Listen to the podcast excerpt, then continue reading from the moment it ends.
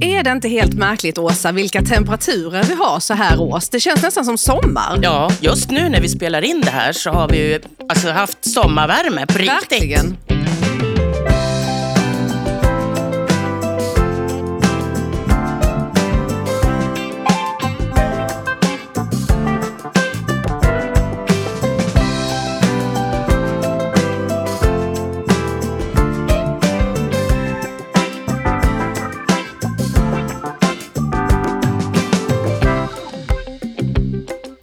Podden En hyllning till livet är tillbaka med ännu ett avsnitt. Och precis som du sa Åsa, när vi spelar in detta så är vi i...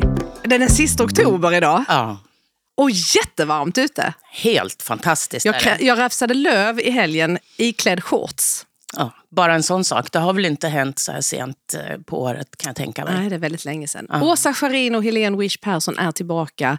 Och hur har din vecka varit? Ja, på temat det här fantastiska vädret så stötte jag i fredags på ett, eh, ett par, en äldre tant och en yngre man som eh, sitter i rullstol. Och jag har sett dem ute på stan lite så här och tänkt, vad, vilka är de här? Jag brukar hälsa på tanten, hon ser så fantastiskt snäll ut.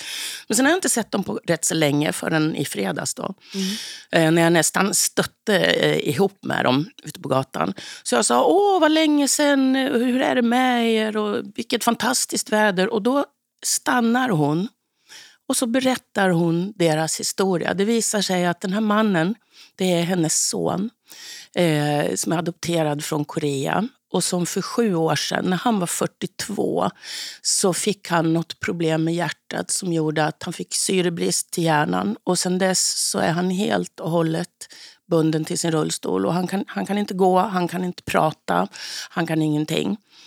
Och eh, hon berättar för mig att ja, vi brukar ta en promenad varje dag. Eh, och så får han komma För är han ut på och ett trä- boende nu? Ha, ja, liksom? han är, Ja. han är på något boende. Och hon berättar den här historien. Så säger hon, vet du vad? Jag tror ju inte på Gud egentligen. Men varje kväll så tackar jag livet för tänk så bra jag har det. Så bra vi har det jämfört med så många andra.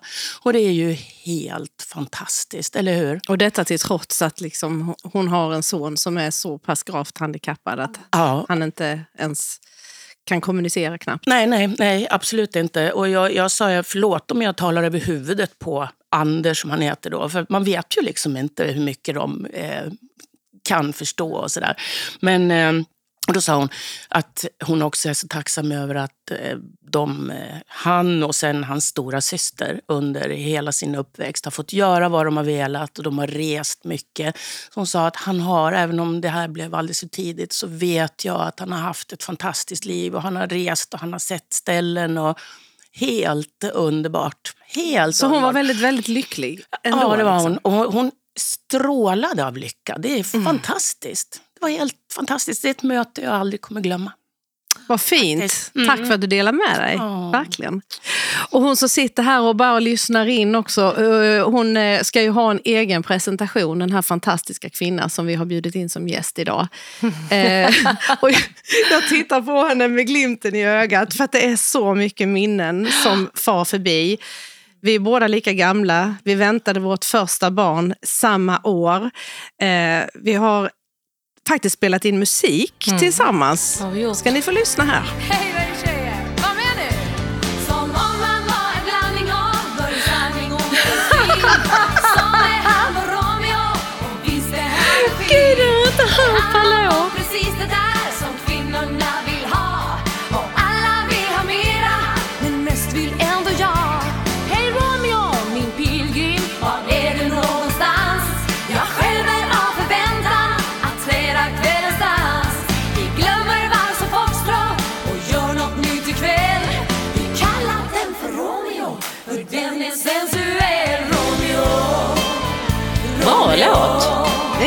Jättebra låt. Jättebra låt. Billy Ray Cyrus och Ja. Dolly Parton Ja. och, ja, och vi gjorde Och så svensk. gjorde vi den. Ja, Alltså svenska. så grymt Åh. och så kul vi hade i studion. Ja, det hade vi. 1996 Något sånt var det ja. Det rockar verkligen. Eller var Ja. vi gravida då? Nej, det var, måste varit innan Det var graviditeten. nog innan. Ja, 95 då.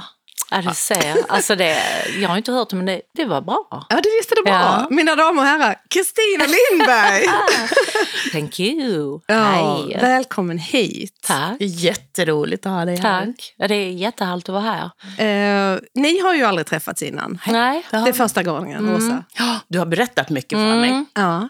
om Kristina, så det känns jättespännande. Ja. Hur eh, står det till just idag? Alltså det är bra. Det är jättebra. Jag em, har mycket på gång ju och det händer massa. Och jag, som jag berättade för er, min egna assistent Sofie som är med mig. Ja, men, eh, Sofie hon följer oss här eh, på lite avstånd. Eh, men Åsa, jag kände så här att Kristina måste vi ha med i vår podd. För att hon bjuder på så otroligt mycket energi. Eh, och det till trots att det kanske inte är så enkelt i livet Nej. just nu. Nej, det, det är sant. Det, det är ju så att glädje och energi har alltid varit väldigt viktigt för mig. Ehm, humor i det mörka är jätteviktigt och jag har alltid känt att den personen jag är, den biten, det är den jag vill dela med mig till av mina följare och människor som gillar min musik. Och sen den andra sidan, den, den behåller jag ju mycket för mig själv för att den sprider inte energi. Så jag har valt det medvetet för att jag mår bättre av det. Än att, det, det är olika hur man tacklar olika situationer och vissa väljer att mm, visa vad de känner hela vägen. Liksom. Medan jag då känner att eh, jag inte gör det för att då mår jag för dåligt. Jag vill inte ha det så. Jag vill inte att människor ska tycka synd om mig. Jag vill inte mm, ha den biten utan mer glädje och sprida glädje. Det, det, det tror jag mycket på. Mm. Och det gör du ju. Det, alltså, när man följer dig, vi hinner ju inte träffas alls så ofta som jag Nej. faktiskt känner att jag hade velat. Men eh, jag följer ju dig och eh, du har så många järn i elden så jag tänker, hur orkar människan? Jag såg häromdagen att du skulle egentligen gå in i en studio och spela in en sång för du satt på, Ja. på natten Ja. typ och skrev en låt. Men nej, nu hinner jag inte det för nu ska jag in och Ja. plocka in veden. Ja, men jag tänker, vad, vad, vad är du gjord av, tänkte jag. Ja, jag måste börja följa dig, jag Ja. hör den. Mm. Ja, sanningen är ju den att jag själv har eh, växt som människa de sista åren och, och börjar nog se det där själv. Jag har alltid tyckt att jag ah, skulle göra mer och jag borde göra mer och framförallt när det gäller min karriär. För den har jag lagt åt sidan under hela åren när mina barn växte upp. Ehm, och min dotter som faktiskt är stolt över att hon fick diagnosen Asperger när hon var liten. Numera är hon stolt över det. För att hon har ju liksom, just att Asperger det är också ett ämne vi kan ta upp någon gång.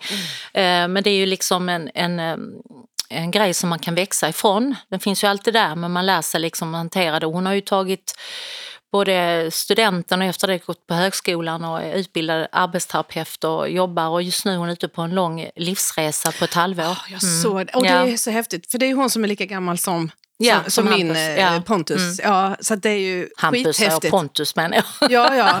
Nej, men Pontus och Enya är ju 96 och båda Ja. två. Mm. Så, Så- häftigt. Ja, det är kul. Det är underbart att- se att ens barn följer sina drömmar. Och hon har också tagit svåra beslut, för det har inte varit lätt för henne att göra det. Men hon har jobbat intensivt och tjänat ihop pengar så att hon kan göra den här resan nu. Och sen så jobbar hon igen när hon kommer hem. Och, och det här har ju varit en livsdröm för henne och nu gör hon det. Jag tycker det är häftigt. Hon gör det. Och du är så stark i allt det här, för att det är dels barn, men du har ju också bonusbarn. Mm. Och du har bonusbarnbarn. Mm. Och det för ju oss till eh, mannen i ditt liv. Och det här vet inte jag om du känner till, Åsa. Hur eh, Kristina och eh, Tommy, Mm. som han heter, träffades. Nej, det vill jag väldigt gärna veta. Har du lust? Alltså, det här har ni ju pratat om mycket i media. Ja. Men, eh, Nej men det är väldigt eh, speciellt. Eh, för jag var, jag var 14 år när min styvpappa berättade, han hade ju berättat innan att han hade barn som han inte fick lov att träffa utav olika anledningar. Men eh, han hade ju alltid en längtan och när jag var 14 år så fick han ett brev eh, ifrån sin son Tommy.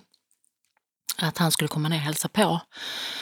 Och han var jättenervös och jag följde med Lennart till flygplatsen och så kommer det ut eh, en man och jag såg och tänkte med en gång, men herregud vad har jag sett honom innan?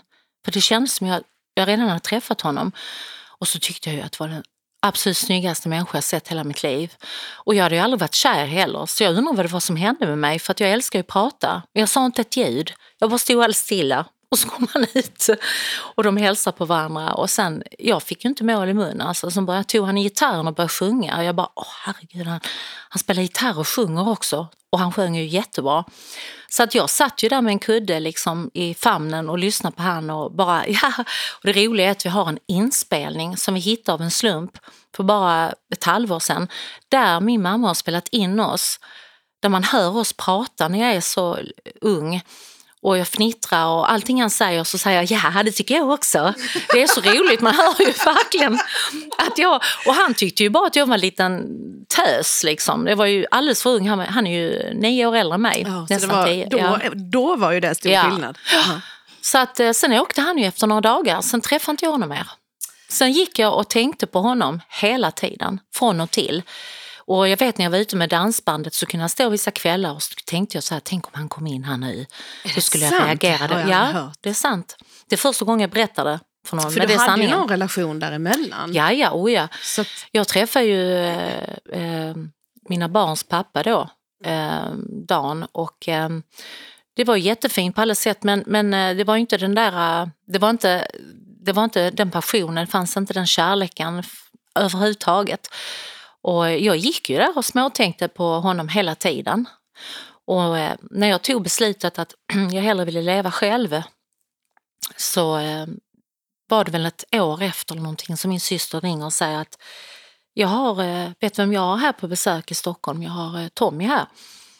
Och jag tänkte det liksom att, ja men vad kul att träffa honom. Jag- var ju ung tös, det var väl ingenting, det är kul att träffa honom igen liksom. som vuxen. Liksom. Som vuxen. Eh, och sen när jag går in genom dörren, han sitter i soffan, så en sekund så bara tänkte jag, "Gud, jag dör vad snygg han är. Jag tyckte han var ännu snyggare, för då var han ju man liksom. Ännu mer. Så att sen så sa du, du sa ju klick på en gång. Det är Så- fantastiskt. Inte? Sen har vi ju Ja, men- gift oss fyra gånger och vi har aldrig skilt oss. Vänta nu, vad sa du? du har, ni har gift er Ja. fyra gånger? Ja, Bara en sån väldigt- sak. Åsa. Bara- Det är ju... Först förlovade vi oss eh, 94 och sen i januari så var vi i Thailand. För han bodde där nere och jobbade som dykarinstruktör bland annat. Och då gifte vi oss buddhistiskt. Eh, för att han är, har lite buddhistisk tro. Eh, för det är ju ingen religion. Alltså många tror ju att om man är buddhistisk då är det samma sak som att tro på Gud. Men det är det egentligen inte. Det handlar mycket om en livsstil, hur man tänker. Och den passar mig ypperligen också. Det är ju det här att det man ger det får man också tillbaks. Och det materiella är inte speciellt viktigt och det har det aldrig varit i mitt liv. Tack och lov. Eh, sen eh, gifte vi oss borgerligt i februari när vi kom hem för att det skulle bli lagligt. Och sen gifte vi oss i kyrkan året efter med hela släkten för att eh, jag ville ha ett kyrkobröllop. Eh, och sen eh, gifte vi oss i, i Rom, eh, i Italien. Ehm, det var ett stort bröllop och då frågade han om vi kunde förnya våra löften, som man kallar det. Så då gifte vi oss där igen och sen eh, eh, gjorde jag en video några år senare som heter Mil efter mil. Mm. Och när vi skulle göra videon så sa han det är väl dags att vi förnyar våra löften igen. Så vi förnyar våra löften på riktigt igen i kyrkan med präst och allting under videoinspelningen. Så allting är på riktigt. Så då gifte vi oss igen. Du hör. Ja, men ni, ni är liksom match made in heaven, ni två. ja, man kan verkligen säga att det är något övernaturligt, måste jag säga. Mm. När, jag eh, jobbade på radion så har ni Mm. varit och besökt, för Mm. ni har ju också jobbat tillsammans med det musikaliska Mm. och, och eh, spelat in musik tillsammans och eh, verkligen levt ett fantastiskt liv. Absolut. absolut. Eh, men så senaste gången som jag bokade in er för en radiointervju, Mm. det var ju just för att Tommy hade råkat ut för någonting. Mm. Eh, för ni satt, vad jag vill minnas, eh, boendet i Spanien. Ja, resa Tommy- dit va? Ja, Tommy han brukar alltid varenda år åka ner till Spanien i maj månad. Och så jobbar jag längre då eh, och sen kommer jag efter. Och sen har jag alltid varit ledig i juni månad och så har jag haft semester då och haft lite allsång i Spanien och så. Eh, och sen åker jag hem igen i juli för att turnera så att säga. Men eh, detta år så kände jag att något var fel. Jag ville inte att han skulle åka för jag kände att han var inte så lik. Han, han glömde saker och han kunde sitta med mobilen och titta fast vi hade besök. Allt det där är inte Tommy, det var inte han längre. Jag förstod inte. Jag tänkte, har han, Har han gått och kommit in i, något manligt klimakterium eller vad är det med honom? Ja, men det var verkligen jättekonstigt. Jag kände bara att något var fel. Och när han skulle åka med min son, så när jag släppte av dem på flygplatsen och de hade hundarna med sig, så, så verkte det. Jag kände att det här känns inte rätt. Men de åkte ändå. Han är ju väldigt envis, min man, så att det var bara så att de skulle ner dit där. För han trodde han var utbränd. Eh, sen var jag och jobbade i slutet av maj och samma dag som jag hade uppträtt så åker jag hem och då ringer min son och är jätteorolig och säger att det är något som inte stämmer med honom. Han kör jättesakta och han, eh, han är jättekonstig. Han är som han är full fast han inte har druckit. Och då tänkte jag att han får, kanske fått en stroke eller någonting. Så jag ringde upp honom på Facetime och då såg jag liksom att ena sidan hängde på honom och han så, så full ut han pratade. Så jag frågade bara, har du tagit en öl nu på dagen liksom? Nej, sa han då. Jag ligger här. Och så tänkte jag, nej, du ska in på sjukhus, säger jag. Så då, då ringde jag till min, vår goda vän, vän som också är mäklare där nere och sa att kan du åka och kolla upp på honom och köra upp honom till sjukhuset. Och då hade jag som tur att han var ledig den dagen och kunde göra detta. Och när han kommer och hämtar Tommy så står ju Tommy där bara liksom i köket och lagar mat och är helt borta. Och han kör upp honom och de ringer mig och jag blev jättenervös. Jag tog och åkte till skogen. Jag har ett specialställe jag älskar att gå på med hundarna. Men nu hade jag inte hundarna hemma så jag gick där med Enya, min dotter. Och så ringer han och säger de tror att jag har fått en stroke eller någonting. Eh, Men jag väntar på svar här. Okej, tänkte jag. Ja, men jag kommer ner, jag kommer snart ner liksom. Jag bokar biljetten tidigare så löser vi det här liksom. Och så gick det en minut så ringer han igen så säger han bara jag har dåliga nyheter. Okej, vadå? De har hittat en tumör som en golfboll vid hjärnan och de vill operera mig akut, säger han. Nere i Spanien. Mm. Och jag bröt ihop. Jag kommer inte ihåg riktigt. Jag kommer bara ihåg att jag lägger mig ner på knä. Jag, jag, jag, jag, jag blev fullständigt... Jag kunde inte begripa att det hände. Sen kommer jag bara ihåg att jag tar mig hem med bilen och sen så var det ju bara att ta reda på fakta. Jag ringde till mitt försäkringsbolag och jag kan faktiskt, jag säger det, Folksam för att de var helt fantastiska. Så på min hemförsäkring ingick ju även Tommy då, alla vi ingick ju tillsammans och de hade en speciell läkare där, jag ringde SOS. Så han tittade på plåtarna och sa att de får absolut inte operera honom, han ska hem med Okej. helikopter. Men de ville operera honom där nere och gav han massa med kortison för att eh, hjärnan var så uppsvullen på honom.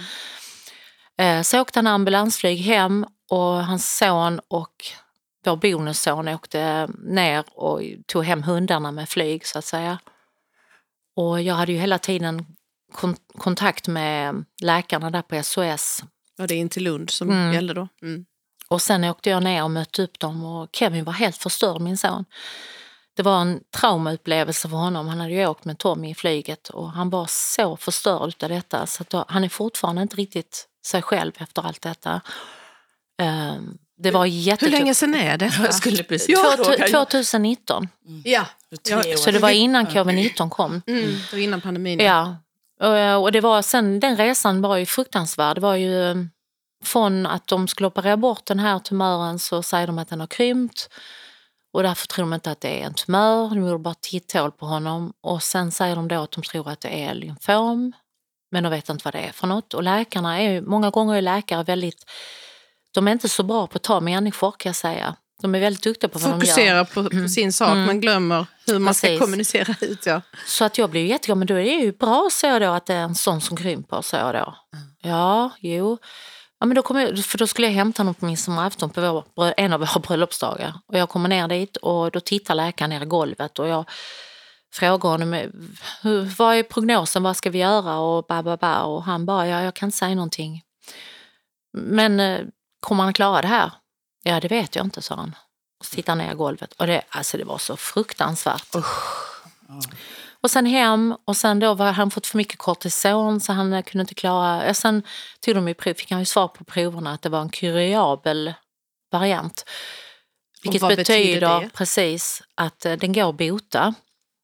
Men att eh, de måste in med cellgifter med en gång. Så satte de igång cellgifter på honom. Hela, under hela tiden så var det ju Lund hem, Lund hem. ehm, fixa så att det var mysigt, få honom att äta och allt det här. Och han klarade det jättebra. Men sen vaknade jag på morgonen av att han har 40 graders feber, frossa. Och då hade han fått eh, njursvikt, leversvikt. Eh, han hade fått någon fär, eh, jättefarlig eh, typ svamp i lungorna. Så han fick ligga en månad i, eh, vad ska man säga, isolerat och då kunde de inte behandla honom för cancern så att säga. Och då visste vi inte om han skulle klara sig eller inte under en månads tid. Och jag var själv i huset och det var tufft. Mycket, mycket tufft. För under tiden allt detta sker Mm. så rullar ju livet på. Mm. Med allt med spelningar och inbokade möten Ja. och, och jadi jadi vad man har. Hur fixar ni det? Nej, jag ställde ju in jättemycket. Det gjorde jag faktiskt. Ehm, för att eh, det gick inte liksom. Men sen hade jag ju en turné som var planerad med eh, en av mina bästa vänner, Thorleif Torstensson och hans fru och sen var det ju Lasse Sikfors, Svensktoppskalaset, som hade blivit en sån stor succé. Och då, jag var ju tvungen att överleva, vi måste ju få in pengar liksom. Mm. Och eh, min man blev sjukskriven men det, den sjukpenningen är ju ingenting kan jag säga. Det var ju fruktansvärt och är fruktansvärt för det är ju ingen ersättning att tala om. Och eh, då var de otroliga mot mig. De var så fina, Thorleif på andra sidan. Han eh, och hans fru de stöttade mig något enormt alltså. Körde mig hem och ja, de hjälpte mig så mycket. Och Tommy gick igenom behandling och det var ju tufft. Men jag bet ihop, gick upp och gjorde min grej på scenen och när jag stod på scenen så varenda, det enda jag inte klarade av, det var varenda kväll gråt jag när jag sjöng sist i våren. Men då, då bestämde jag och min man oss för att vi skulle gå ut med detta tidningarna för att jag skulle slippa få frågor hela tiden om var är Tommy, eh, varför inte han med, Ehm, hur är det med honom? För jag orkar inte. Så det var anledningen. Jag vet att det säkert finns de som har trott att jag har gjort det för att jag skulle ha reklam men alltså det händer ju inte. Det finns ju inte människa på denna jorden som tycker att det är något kul att gå ut och berätta om sådana här saker. Jag Det, förstår vill, det, är inget, det är ingen bra reklam, det är inget roligt och det är ingenting jag överhuvudtaget tänkte. Utan för mig var det bara att Slippa, slippa frågorna. Jag förstår det. Jag hade ju, min mamma hade ALS i 25 år. Ja. Och till slut så fick jag lov att säga till mina väninnor, för de frågade ju alltid hur är det med din mamma? Så sa jag snälla, säg ingenting Nej. mer. För att när man skulle liksom träffas, då ville man ju vara glad. Och det var Prata om aldrig... annat, ja. Ja, exakt. Så jag sa, jag lovar, jag kommer att berätta för er när någonting har förändrats. Precis, Men så jag precis. Mm. förstår det precis att det här är eh, Det var, var tufft. viktigt för det, ja. Och nu har ni ju kämpat igenom i tre år Ja, med detta. Man kan säga så här för att göra en lång historia kort för det är så mycket att berätta så fick han ju ett par tillfällen, vid tre tillfällen var det han höll på att gå bort. Därför att sjukvården hade gjort fel. Och en av gångerna var det att de hade kört ner honom på Mava som det heter för att han fick eh, hjärtstopp och massa grejer. Var inte det under corona? Jo, och då hade de tagit in honom på ett ställe där det var coronapatienter och gjort fel. Och första gången det hände så eh, eh, sa jag det att händer det här en gång till så kommer jag gå ut med det här i tidningarna. På grund utav att där låg då en, till exempel en ung man som jag hade lärt känna som var i 30-årsåldern. Och eh, hade han varit där hade han varit död. Jag bara säger det liksom. Det här handlar ju om människoliv. Att de inte får göra sådana misstag, de får inte lov att göra det liksom. Men sen ringde jag honom igen en månad senare när han hade tagit sig igenom det här och då kom de in och tog test på honom igen när jag var i luren. Och då frågade jag varför gör ni detta? Och då var hon ju ärlig och berättade att de hade gjort fel igen och kört in honom på en sal där de hade covid-19 patienter fast inte han hade något immunförsvar överhuvudtaget. Då gick jag ut i tidningen med det. På grund utav att jag ville att de skulle skärpa sig för andra patienters skull. Ingenting Ja, annat. jag fattar. Jag fattar fullständigt. Det var därför. Och det är så viktigt att poängtera det där. Att eh, även om jag varit i branschen sedan jag var 11 år och vet hur mycket det är bra det med reklam så är det här ingen reklam som man vill ha. Nej. Det är så viktigt att säga det där. Utan för mig handlade det om andra människor runt omkring som vi har lärt känna som då hade fått mig att förstå att den här sjukdomen den är från det var en ung pojk på 14 år, jag klarade inte ens av att titta på pojken för jag fick sån, åh, jag tyckte så synd om honom. Va? Men jag kom i godis och jag, man blev en familj. Man lärde känna alla på avdelningen och Tommy han stöttade och Tommy han var ju så härlig så han spelade ju lite funk music och sånt som han gillar i högtalarna och alla blev glada på avdelningen. Och man blev nära varandra. Och det var ju dem jag tänkte på. Nästa gång är det de som åker ner. Eller, du förstår. Det var viktigt att, att sätta ner foten. Och det blev bättre. Hur lyckades Tommy hålla uppe sin livskamp? Jag hade en väldigt, väldigt tuff människa. Eh, stark, stort driv eh, till livet. Och sen var det väl mycket jag. Jag var ju sam varje dag. Satt där sex, sju timmar om dagen. Jag lagade mat, tog med mig ner för att han skulle äta.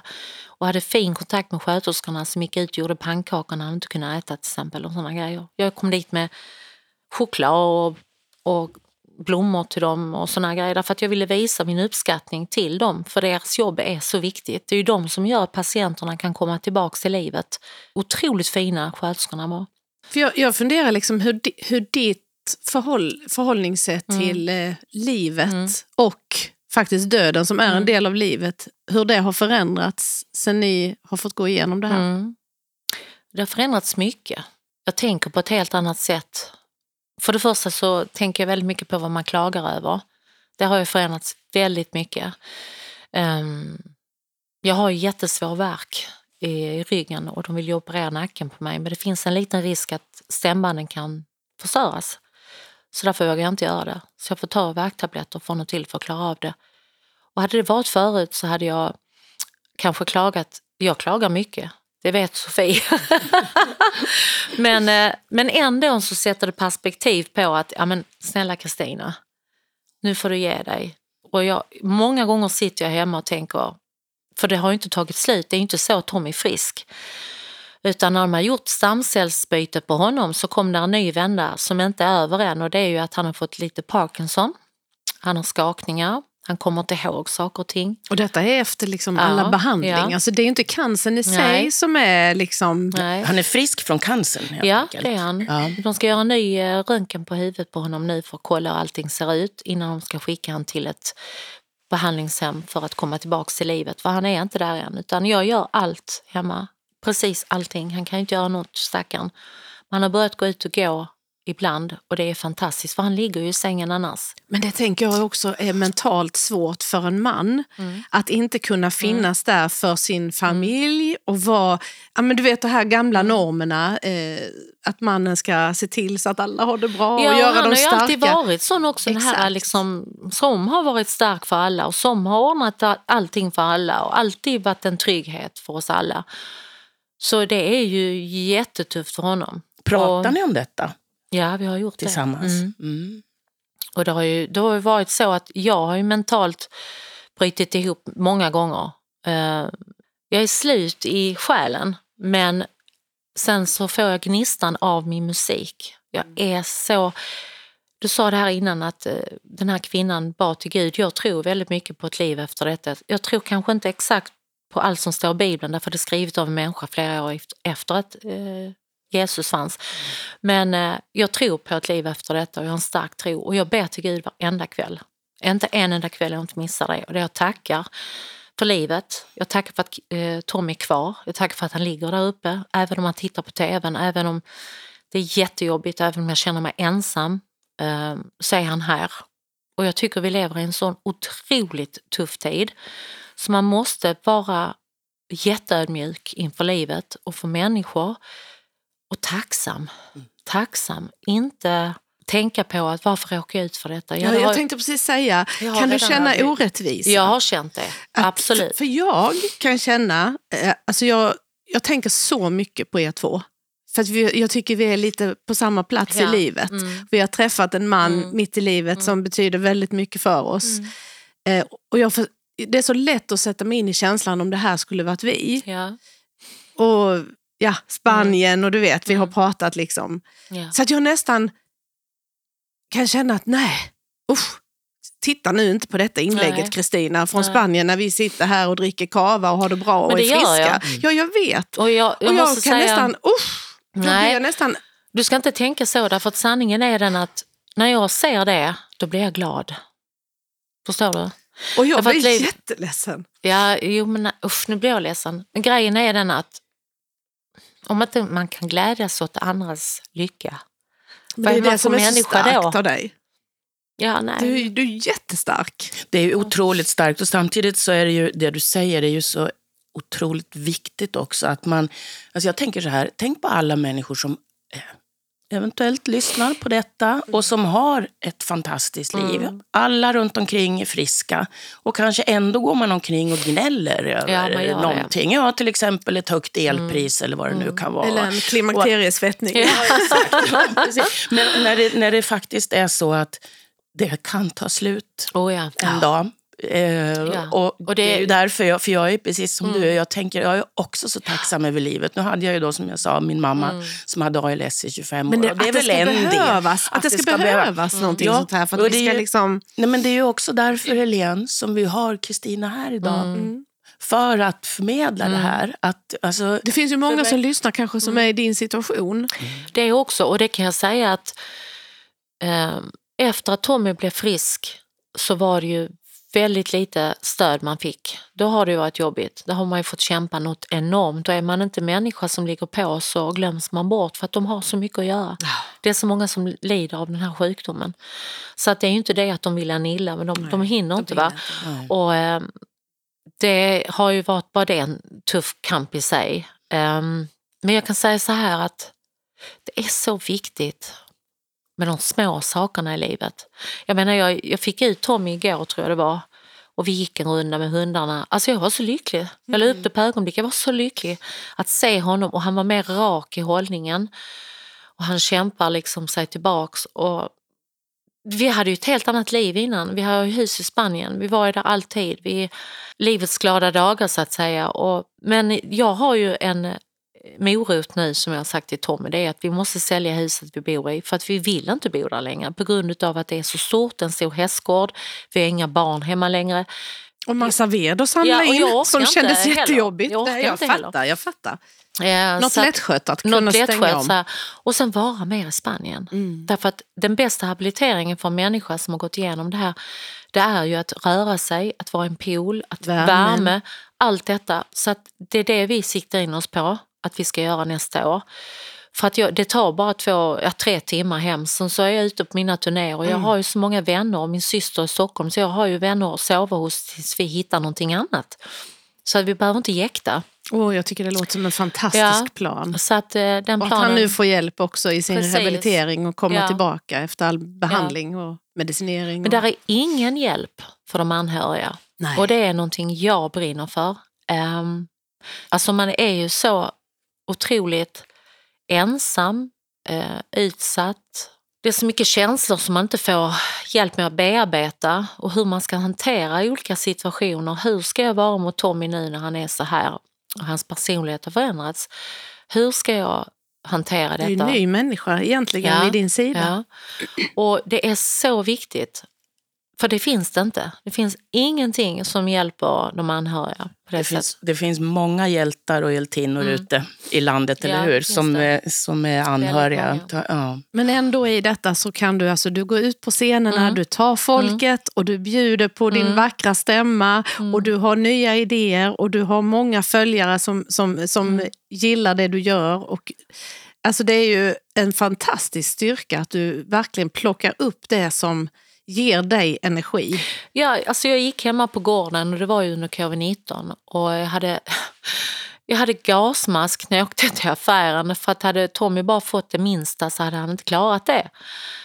Eh, men alla då i vår lilla by och så, de visste ju det så det var ju ingen som sa något. Det såg ju för galet ut och handskar och allting. Eh, men jag höll typ på att bli tokig då för att eh, jag älskar människor. Och gå på en gård och, och jag gick och pratade med djuren och fåglarna och jag var helt och ringde Ja, du är ju och social. Ja, jag, älskar, jag är ju det. Så att, ehm, men då började det med att jag, jag fick ingen inspiration att skriva. Jag älskar att skriva låtar ju. Jag fick ingen inspiration, jag kunde inte skriva. Men då var det en kvinna som hörde av sig och så började jag göra lite jag tänkte att jag kan väl visa lite kläder. Hade det här varit förut hade jag aldrig gjort det. För att jag har alltid haft dåligt självförtroende. Jag är alldeles för kort, jag är för knubbig, jag är inte tillräckligt, jag kan inte göra det. Men jag tänkte att ja, men jag har inget att förlora, det kan väl vara lite kul. Jag fick ju kläderna och det var så, inget betalt alltså. Men eh, det var roligt, jag ville göra någonting för att min hjärna skulle tänka på någonting annat än bara sorg. Och sen träffade jag en underbar kvinna som heter eh, Ann-Charlotte som har då det här eh, Rough and Rose och det är så underbart därför att Eh, är så, hon har varit så god mot mig. Hon har fått mig att våga och hon har fått mig att blomstra och, och det har varit fantastiskt för att det är jätteroligt och det, ger ju glädje. Mega snygg i det du gör. Ja, alltså, jo, du. Jag har Sofie här, det är hon som tar bilderna. Så. Mm, hon sa någonting om att hon var duktig på att redigera. Ja, eller hur? Ja, det sa hon när vi inte var nöjda. Eller jag. Exakt. Nej, men det enda faktiskt jag gör, och det är också en sån viktig bi- bit. Jag, jag skulle aldrig få för mig att ändra på min kropp eller ändra på att oh, nu ser jag för mullig ut. För att det, det gör inte jag. Jag tycker jag är i den åldern när man ska vara stolt över att man blir äldre. Och, utan det hon gör är att hon lägger ett guldskimmer så att det kanske ser ut som det är lite varmare ljus. Det är sånt som hon gör, ingenting annat. Det där det är det vi ska Sofie, få. det Ja. där filtret får Ja. du visa sen. Jag vill ha guldskimmer på Nej, för jag hade känt, det vågar inte jag, det skulle inte alls passa mig och sen komma ut och möta sin publik och de säger, vem är hon där? Men du Kristina, apropå guldskimmer. Jag Mm. ser ju vad som hänger precis under dina hörlurar som du har på dig nu. Så hänger där ett örhänge Ja. som för mig ser ut som ett eh, Ja, ett hjul. Mm. Ett sånt där trähjul på en skrinda eller någonting sånt. Det är väldigt speciellt det här. Berätta, vad är det? Det är faktiskt eh, ett par örhängen som jag designade själv. Jag fick, eh, fick det här av honom som ett, eh, jag har runt halsen så att säga. Vilken honom? Eh, min man. Och det här är resandehjulet, det är symbolen för min pappas släkt. Och för mig handlar det ju också om att jag älskar honom så mycket, det är ju att jag ser ju livet som ett hjul, som en resa. Och hur tufft den har det så tar du dig framåt. Man tror inte det, men man är starkare än vad man tror. Och därför är det här hjulet så viktigt för mig. Och som valde jag en röd sten därför att för mig är livet rött. Det är blodet, det är hjärtat, ehm, som alltid har varit viktigast för mig. Jag har alltid tänkt mer med hjärtat än med hjärnan. Det är inte alltid, inte alltid, ja, det har inte alltid varit bra, men, men det har varit sant i alla fall. Därutav valde jag den röda stenen. Så jag ska faktiskt släppa en smyckeskollektion nu. Med, eh, Jag tycker det är jättehärligt. så jag har fått hem, ja det är så spännande. Jag har fått hem smycken nu då. Det är örhängena, det är halsband och det är ring. Och man kan ju beställa vilket som eller hela sättet. Och det är en kvinna i Norge som har gjort de här för hand. Så det här är ingenting jag har beställt från eh, Kina eller sånt för att jag ska sälja och tjäna pengar eller något sånt där. Utan det är precis samma sak här. Det här var bara en grej jag gör för att ehm, det är äkta. Eh, jag vet att alla som bär det här kommer känna oh, det här går inte sönder, det här är på riktigt. Så att jag gör dem i silver och, och eller i gulddubblé, vilket som. Och jag bara känner en sån stolthet, både över den personen jag är, att jag vågar stå för att jag är resan idag. Eh, och sen även att vi kvinnor, även män, men vi är så starka. Och det är livets hjul och det är så starkt och det är fullkomligt och vi tar oss framåt och det gör vi. Alla, alltså jag tycker verkligen var jag än går och, ju mer man öppnar sig för människor ju mer får man ju då reda på andras öden som eh, varken är mindre eller större utan vi alla har våra kors att bära och det är tufft. Livet det är inte en dans på rosor men men varenda gång jag sätter mig ner och tar en chai latte eller jag tar mig en bulle, lussebulle och sådär så njuter jag väl nästan lite mer nu än vad jag gjorde förut. Därför att förut kunde jag vara så, nej jag får inte äta för mycket, nu måste jag tänka på min vikt. Eller, det är så obetydligt för mig. Det har du ju dessutom skrivit böcker om, Ja, eller ja. bok om, om, Mm. att du hade problem med Ja, sist i våren. ätstörningar. De och- första i våren de allt för tjocka låren. För jag har alltid tyckt det, att jag Ja. hade så tjocka lår. Mm. Hade bulimi i många år. Så att det är också någonting jag tycker om att föreläsa om. Jag åker ut och pratar Mm. med kvinnor och män, för det är även vanligt bland dem. faktiskt. Alltså Åsa Farin, är hon inte inspirerande? Jo, Så säg? så väldigt, Vi är helt stumma här, och det är inte ofta. Nej, det är faktiskt inte ofta. Och det är ett gott betyg till Ja, dig. Kristina. Och sen har jag gjort min egen honung. Eller jag har min egen honung. Det är också en sån grej. När alla turnéer så vet ju alla som jobbar med mig att jag alltid gör te. Och så ska det vara honung och ingefära. Och jag vet Torleif han sa alltid till mig, gör du den där goda teet ikväll när vi ska uppträda? För jag gjorde det varje kväll. Så har vi det på scenen och så hade vi ett bord. För det hade jag fått med mig idén från när jag var och gjorde en turné i Finland. Att vi har bord och stolar på, på scenen. Och så sitter vi kvar allihopa och jobbar så. Och så dricker ni te Och så med dricker honung. vi te med honung. Och han älskade det, eh, Tolle. Han var så glad för det här teet. Stoppade du precis in en snus Ja, det nu? gjorde jag. Det, Det- visste jag inte däremot. Nej, men jag har ju sett den ligga Ja. på bordet det, ja, men jag har bara sett jo. henne i ögonen. Jo, nu såg jag, jag. jag måste säga det. Jag har aldrig rökt hela mitt liv utan naturliga skäl för att det inte är bra för rösten. Jag har aldrig snusat, jag, jag har varit väldigt noga med det. Men när min man blev dålig eh, så jag, jag höll på att få panik. Jag ska inte ljuga, jag tog sömntabletter, jag tog nervlugnande. Eh, jag fick börja med antidepressiv medicin. Det var precis allting för att överhuvudtaget överleva.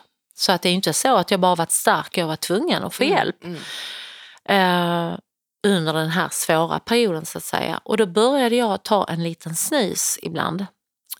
Och det tog ner mina nerver. Och nu har det hängt kvar. Så jag ska sluta men jag tar mig en snus ibland så här och tycker det är, det är helt okej, det är mysigt. Ingenting jag förespråkar goa vänner. Nej, men, eh, man får ha lite man, laster. ibland får man liksom, och det är också viktigt att jag då inte slår på mig själv, för det gjorde jag i början. Alltså Kristina, ärligt talat, ska du verkligen, alltså vad håller du på med du som aldrig och bara. Men nu kan jag mer tycka att okej, men jag är inte på mig själv varje dag om det. Det finns värre saker i livet. Så är det. Mm. Och nu, Åsa, det, jag, alltså jag visste att vi skulle behöva lång tid idag. Ja, du sa Förlåt. det redan. Nej, bara, du behöver inte be om förlåtelse. men vi har För nu skulle jag kunna börja prata igen då. Nej, jag bara skojar. Jag har så mycket mer att berätta om. Men, Ja, men, men, vi får ta ett, ett poddavsnitt till Ja, vid något tillfälle. Och jag tror att det är någonting som eh, du kommer att bli lite intresserad av. För vi har Mm. faktiskt, eh, vi tänker bjuda in ett medium nästa gång. Som har kontakt med andra åh, sidan. fråga mig om det. Jag har haft Terry Evan hemma hos mig. Du, jag Yes. vet, det har ju spökat i ett hus. Mm. Yes, Jag såg jag programmet, så att det här kommer Kristina Ja. tycka är spännande. Det är spännande. Så då får du lyssna på det avsnittet Det sen. kommer jag att göra. för Och alla ni andra jag också såklart. Självklart. Men framför allt ett jättestort tack för att du ville så öppenhjärtigt berätta Kristina. Mm. Förlåt och tack och förlåt för mina tårar. Men, Nej, eh, jag börjar ju också. Jag tycker det, det- är viktigt att ha nära till sina... Jättefint. Och förlåt, jag avbryter dig. Men det är ju så här när man är artist eller när man jobbar med människor som du gör. Vilket fall så är man väldigt nära sina känslor. Det är ju därför man kan ge och dela med sig och även få utav människor. Det är ju för att man är nära sina känslor. Så det ska du vara glad för, Helene. Då är jag det faktiskt. Det tycker jag. Det blev lite gråtigt idag. Ja, men det får det, får det vara. okej. Ja. Nästa var poddavsnitt blir nog lite mer scary tror jag faktiskt. Ja. Det är väldigt spännande. Tack för att du har lyssnat. Tack Kristina. Tack, Tack. Åsa. Tack Helene. Och så hörs vi igen. Ja, detsamma.